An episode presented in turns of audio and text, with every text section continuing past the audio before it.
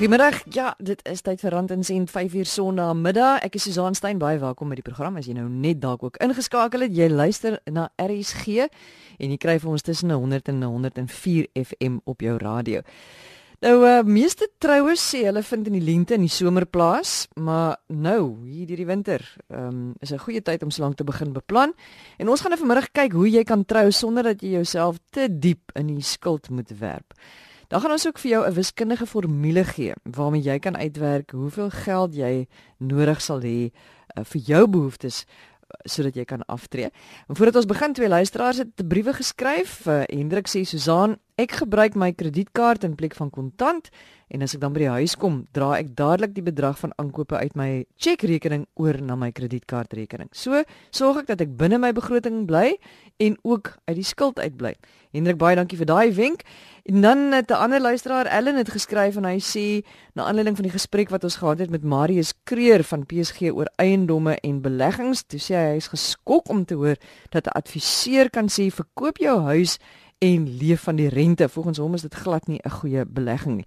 Ellen, dankie daarvoor. Ons gaan uh, beslis weer hieroor praat in die toekoms. Soos ek dit verstaan het, Marius ook bedoel dat sou jy in die stad woon en jy het 'n groot duur huis en jy besluit jy wil aftree, jy kan miskien nie meer lekker byhou nie, dan is dit 'n goeie idee om daai huis te verkoop, vir jou miskien 'n kleiner, goedkoper huis elders te gaan koop en dan die wins wat jy gemaak het wat oorbly te gebruik, dit te belê en dan daai rente te gebruik om van te leef. Of as jy op 'n sekere ouderdom kom en jy besluit wel, ek het nie meer lus vir die verantwoordelikheid vir my huis nie, ek gaan dit verkoop en ek kan dan baie goedkoop vir my 'n plek iewers huur wat ja, wat dan nou nie groot uitgawes meer het nie, maar ek huur 'n goedkoop plekkie iewers in die platteland miskien, dan kan jy ook daai ekstra geld gebruik om te bespaar. Maar dit is weer eens hoekom dit so belangrik is om met 'n persoon te praat, 'n adviseur te praat van 'n maatskappy wat bekend is aan jou sodat jy hierdie besluite kan neem met die hulp van 'n baie professionele en betroubare adviseur. En glo my, ek het self daai duur les geleer en dit is letterlik duur want jy betaal in jou harde kontant, maar moenie van iemand gebruik maak wat jou geld wil belê en vir jou 'n aanvangsfooi vra nie. As jy bedrag geld het en jy wil dit graag belê en daai persoon sê vir jou ja, ek gaan dit vir jou belê, maar jy moet my net eers 20000 of 25000 rand of 'n sekere kommissie betaal om daai geld te gaan belê, dan weet jy, mm, -mm want daar's maatskappye wat dit vir jou doen, betroubare mense, groot name in die bedryf wat dit vir jou sal doen sonder dat jy daai aanvangsfooi hoef te betaal. Jy gaan uiteraard net vir hulle kommissie betaal vir die tyd wat jy die geld belê. Maar ja ja, dis ook regverdig want hulle help jou om 'n goeie belegging te maak en goeie rente te verdien, maar moenie vra baie mooi of jy 'n aanvangsfooi moet betaal en dan kan jy sommer weet dit is nie die regte mens vir jou nie. Goed, kom ons val weg met die huwelik en dan veral wat dit jou gaan kos om julle lewe saam te begin. Wiekies Olivier is van Detsave en wiekies dit voel vir my baie keer asof mense hulle troue of hulle getroude lewe met soveel skuld begin dat dit hulle jare neem om dit te kan afbetaal want almal wil nou graag 'n groot partytjie hou en al die familie moet daar wees. En dan sukkel jy om jou skuld af te betaal en jy moet nog huis koop en jy wil in 'n stadium nog kinders hê en jy wil miskien 'n nuwe motor koop vir julle twee. Ja kyk troue is die mooiste dag van my ou se lewe. En ek kan net terugdink aan my troue toe ek my vroutjie gevat het was dit die lekkerste dag van my ou se lewe. So jy wil nie noodwendig dit 'n skimpie affære maak nie maar Ek moet maar versigtig wees want jy kan bitter vinnig in die skuld beland. Ehm uh, as jy nie genoeg spaargeld het om om om die troue te betaal nie, dan moet jy na 'n bank toe gaan en dan begin jy jou getroude lewe in die rooi.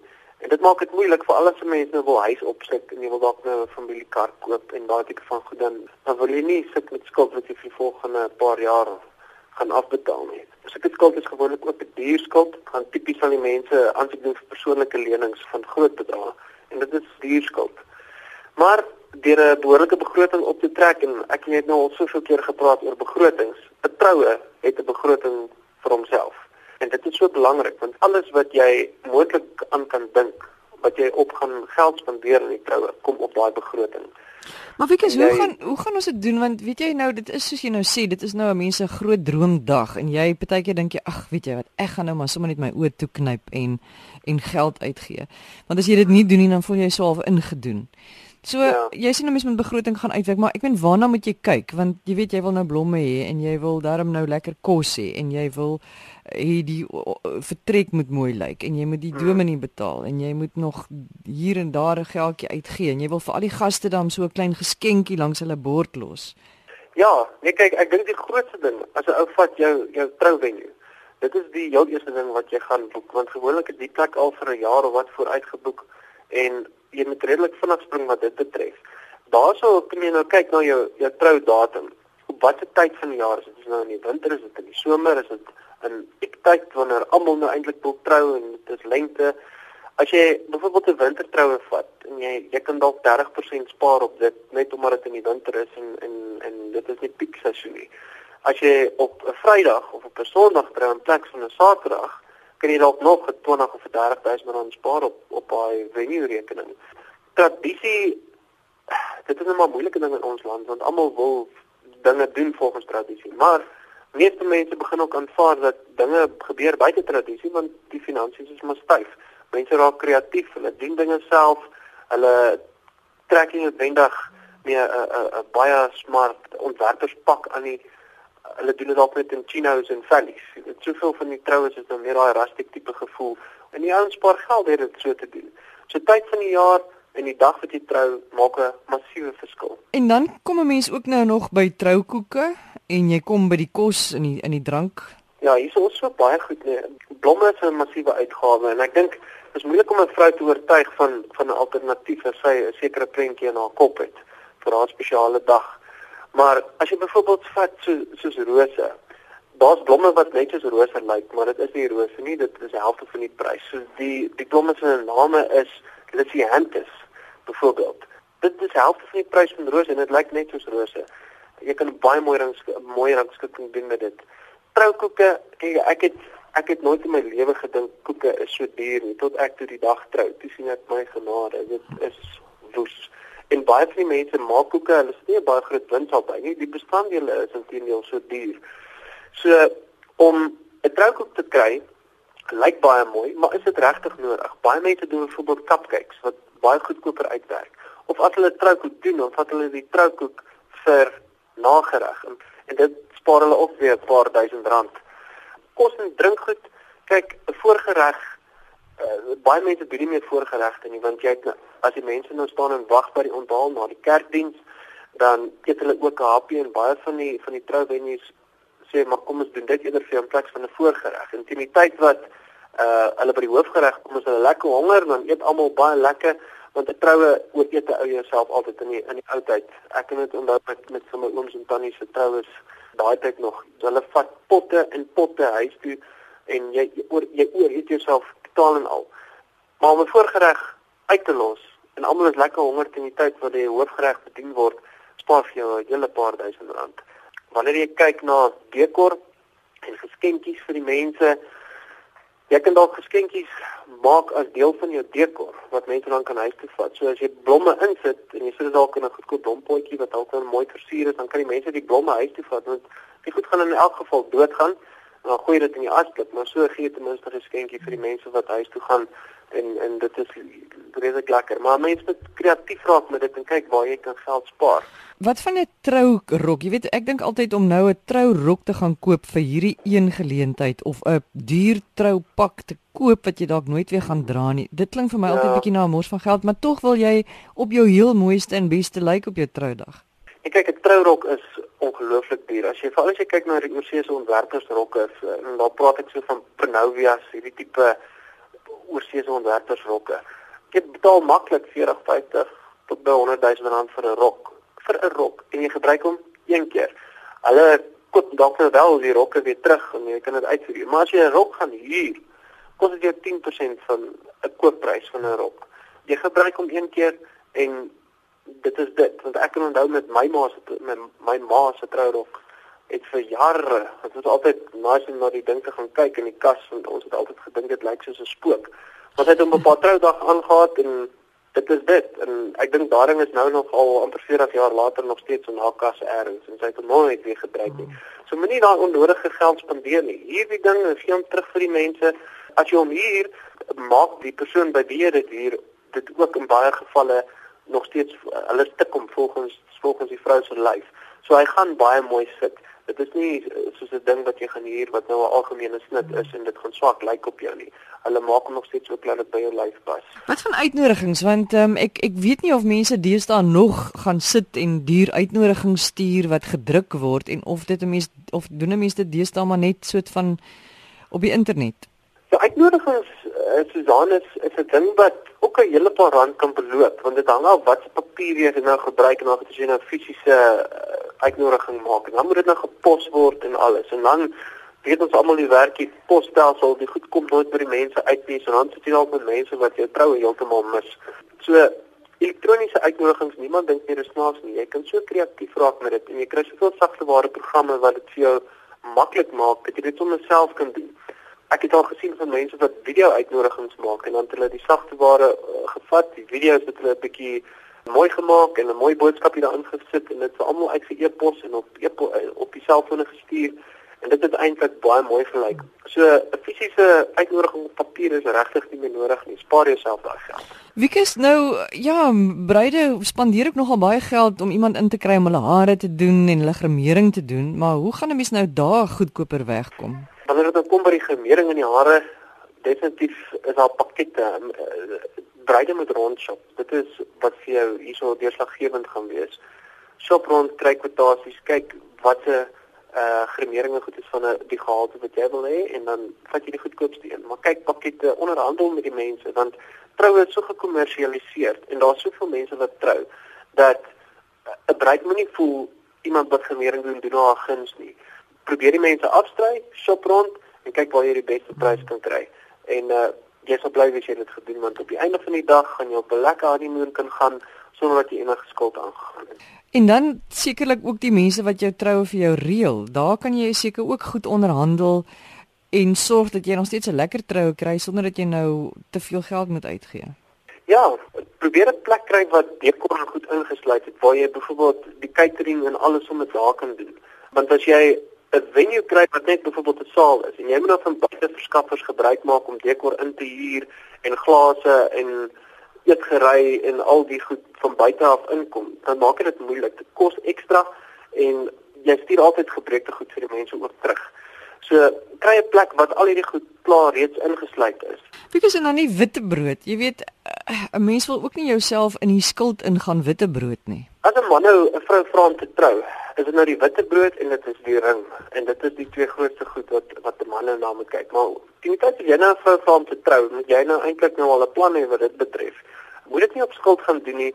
As jy dit nou regtig op skuld moet doen, maak seker ten minste dat jy dit kan bekostig en dat daai paaiement wat op daai skuld gaan wees vir jou aanvaarbaar is en hê 'n plan en 'n begroting dat jy dit binne 'n bepaalde tyd kan afbetaal. Maar bruidspaartjies moet ook nie oorhaastig wees nie. Wanneer jy verloof raak, maak 'n datum vas, maar gee vir jouself genoeg tyd sodat jy kan beplan en dat jy kan spaar vir daai dag dat jy weet soos wat jy uh, aangaan, kan jy elke maand ietsie koop en dit ware. Moenie wag tot op die nippertjie en spaar en alles eenslag gaan doen nie want dan sit jy jouself onder baie druk. Kry elke maand ietsie sit dit in 'n stoor of in 'n kas en en skaf elke maand ietsie aan. Wiekus baie dankie en uh, ek is seker baie van ons luisteraars is hierdeur of dit kinders wat hierdeur is. So stuur asseblief vir ons jou besparingswenke en so kan ons mekaar help. Die e-posadres susaan@rsg.co.za. Dis S U Z A A N by rsg.co.za. En wie weet, miskien kan ons sommer mekaar begin help om uh, troues al hoe meer interessant te maak en al hoe goedkoper te maak. Ons gevoer met Rand en Sent hier op RSG 100 tot 104 FM op jou radio in Suid-Afrika www.rsg.co.za op die internet of die DStv kanaal 813. Dis oral waar jy ons kry. Ons gaan nou kyk na 'n metode of 'n formule wat jy kan gebruik om te kyk of jy genoeg geld het om te kan aftree. Andre Griesel van Proverty Wealth is hier by my in die ateljee en Andre ons het nou al baie die vrae gevra en ek weet dit is ook relatief vir elkeen van ons het ons eie behoeftes, maar hoe gaan ons nou weet ons het nou genoeg, ons kan nou maar aftree? Dit gaan uit en uit oor hoeveel het jy weggesit, hoeveel het jy maandeliks nodig en as dit is wat jy maandeliks nodig het, watter bedrag geld moet ek in 'n pot iewers hê? Wat ook al jou keuse is van waar jy geld opgegaar het, maar die lank en die kort is daar kom 'n dag wat jou werkgewer vir jou sê baie dankie vir jou 40 jaar diens, maar ons het nie meer jou dienste benodig. Ons benodig nie meer dienste nie en van volgende maand af is daar nie meer 'n paycheck nie. So dan moet geld van iewers anders afkom. En ek ondervind ek ek vind net dat mense sukkel regtig om te verstaan wat die omvang van hierdie bedrag is. Ehm um, en mense maak geheel en al oorvereenvoudigde somme. So wat is die fout wat ons dan maak? Ek hoor gereeld hierdie uh, soort van mental accounting uh, of baie vereenvoudigde somme wat ou sê maar okay, ek het 30000 'n maand nodig. So 30 maal met 12 is 360000 vir die jaar ek sal seker 10% groei op my belegging kan kry, so ek het 'n 3.6 miljoen rand belegging nodig. Dis nie so eenvoudig nie. Ek meen daai som is totaal en al verkeerd vir verskeie redes. Eerstens, die oomblik as jy daai som so maak, vergeet jy van inflasie. Jy vergeet dat jy kan nie volgende jaar nog steeds 30000 rand 'n maand verdien nie. Jy moet volgende jaar 33000 rand verdien.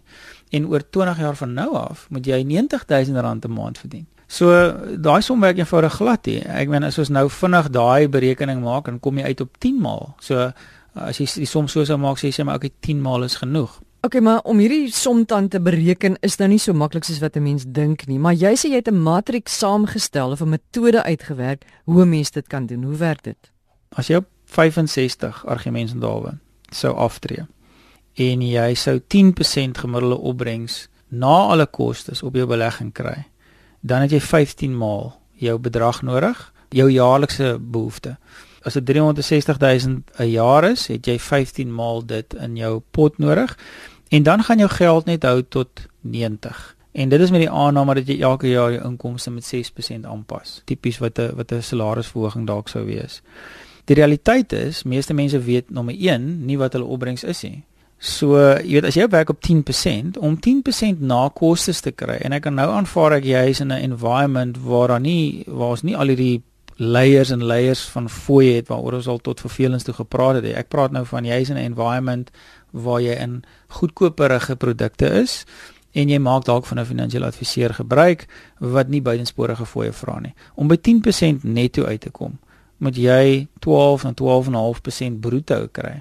Om by 12.5% bruto uit te kom, kan jy nie in kontant en versigtige fondse wees nie. Jy moet in in 'n fonds wees wat 60 tot 70 tot 75% in aandele is. En baie min mense is. So selfs 10% is far-fetched. Nou en hier is die ding wat baie wat baie belangrik is, jou opbrengs in hierdie prentjie is is geweldig belangrik want op 10% het jy 15 maal nodig op 65.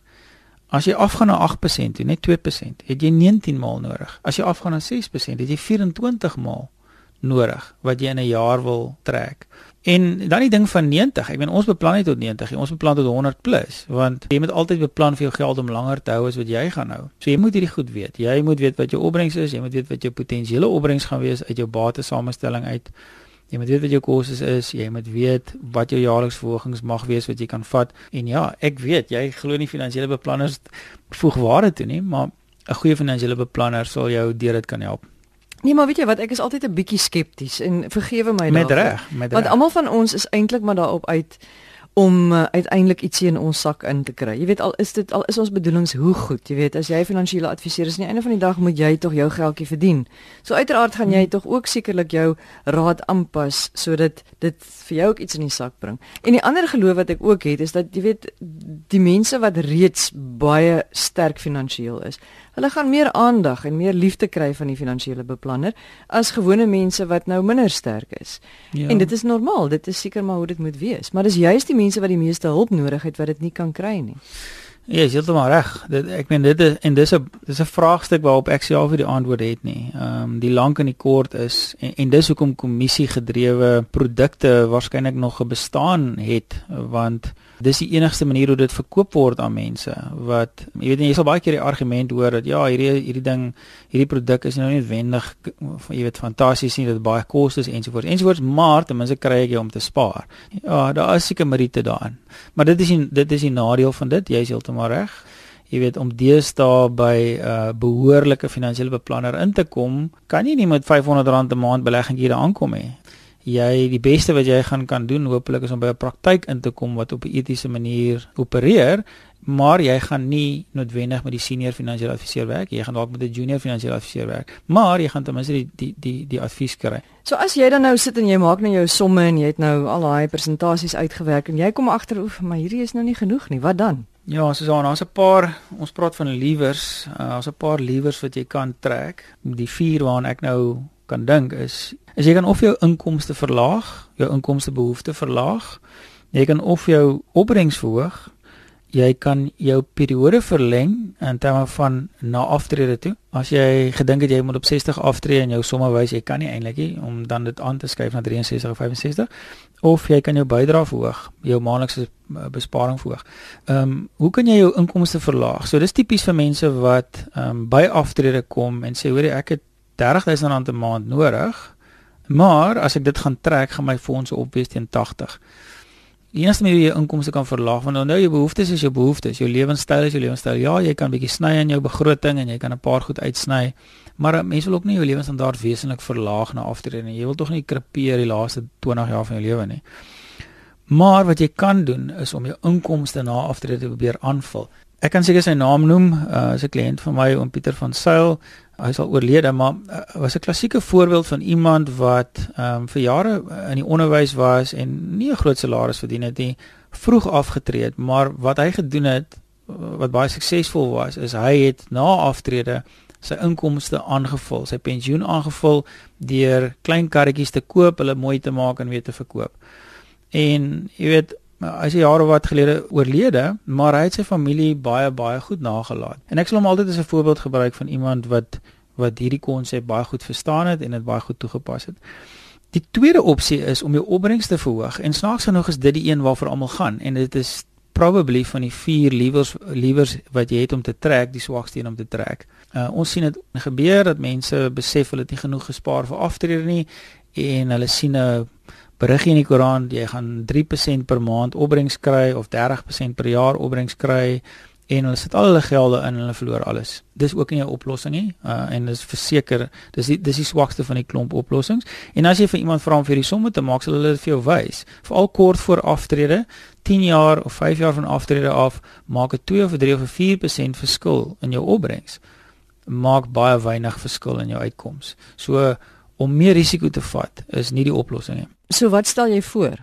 As jy kort voor aftrede, as ek sê kort voor aftrede bedoel ek 10 jaar van aftrede af of 7 jaar of 5 jaar van aftrede af kom en jy besef jy het 'n tekort, by verre die mees powerful ding wat jy kan doen is om die termyn tot aftrede te verleng. Met ander woorde, as jy in jou kop gehad om 60 op, op 60 af te tree, dit uit te stel om om op tot te werk tot 63 of te werk tot 65. Want onthou, jy dra nie net vir 3 jaar langer by tot jou aftrede nie. Jou geld groei vir 3 jaar langer en jy verkort jou periode wat die geld moet uitbetaal met 3 jaar aan die einde. Dan sal die laaste een wat jy genoem het verhoog jou bydraes. Die tipe persoon wat 'n probleem het by aftrede, het nie die vermoë om 40% van sy salaris weg te sit nie. 99 uit 100 keer is dit nie die geval nie. En ek en ons sien baie keer in beplannings ehm um, dat dit die antwoord is wat gegee word vir 'n kliënt. So hoor jy, jy het 'n tekort by aftrede, jy moet 10000 rand 'n maand begin spaar, maar die persoon verdien maar sê net maar 30 of 40. Ehm um, jy moet 10000 rand 'n maand uh, begin spaar en hier is die produk. Dis nie 'n oplossing nie. Uh, jy jy help 'n kliënt so nie. Hy gaan dit nie doen nie uh al wat gaan gebeur is hy gaan uh nog meer moed verloor en nog minder doen. So ou moet gaan kyk na wat is die liewers wat jy kan trek en wat is die oplossings. En daar is altyd planne om te maak. Uh, 'n Mens moet nie moed verloor nie. Andrew baie dankie. Dis Andrew Grieselhuis van Proverty Wealth. En as jy enige vrae het of jy dalk enige geheime waarop jy spaar of 'n uh, goeie beleggings maak of jy het nou al duur lesse geleer en jy wil ander daarteen waarsku, stuur vir my 'n e-pos. Dit sal baie lekker wees om van jou te hoor. Die adres susaan@rsg.co.za. Dis S U Z A A N by rsg.co.za. Volgende week gesels ons verder. Ons gaan onder meer kyk na ons beleggings na die afgradering. Waar staan ons 'n maand na die afgraderings? En ons gaan ook gesels onder meer oor die paar dingetjies waarna jy moet let as jy dalk in 'n motorongeluk is en jy wil eis van jou versekerings. Hoe gaan jy seker maak dat daai versekeringseis glad verloop? Van my Susan Stein, baie dankie vir die saamluister en dan doen ons dit volgende Sondagmiddag 5uur weer hier op RSG. Totsiens.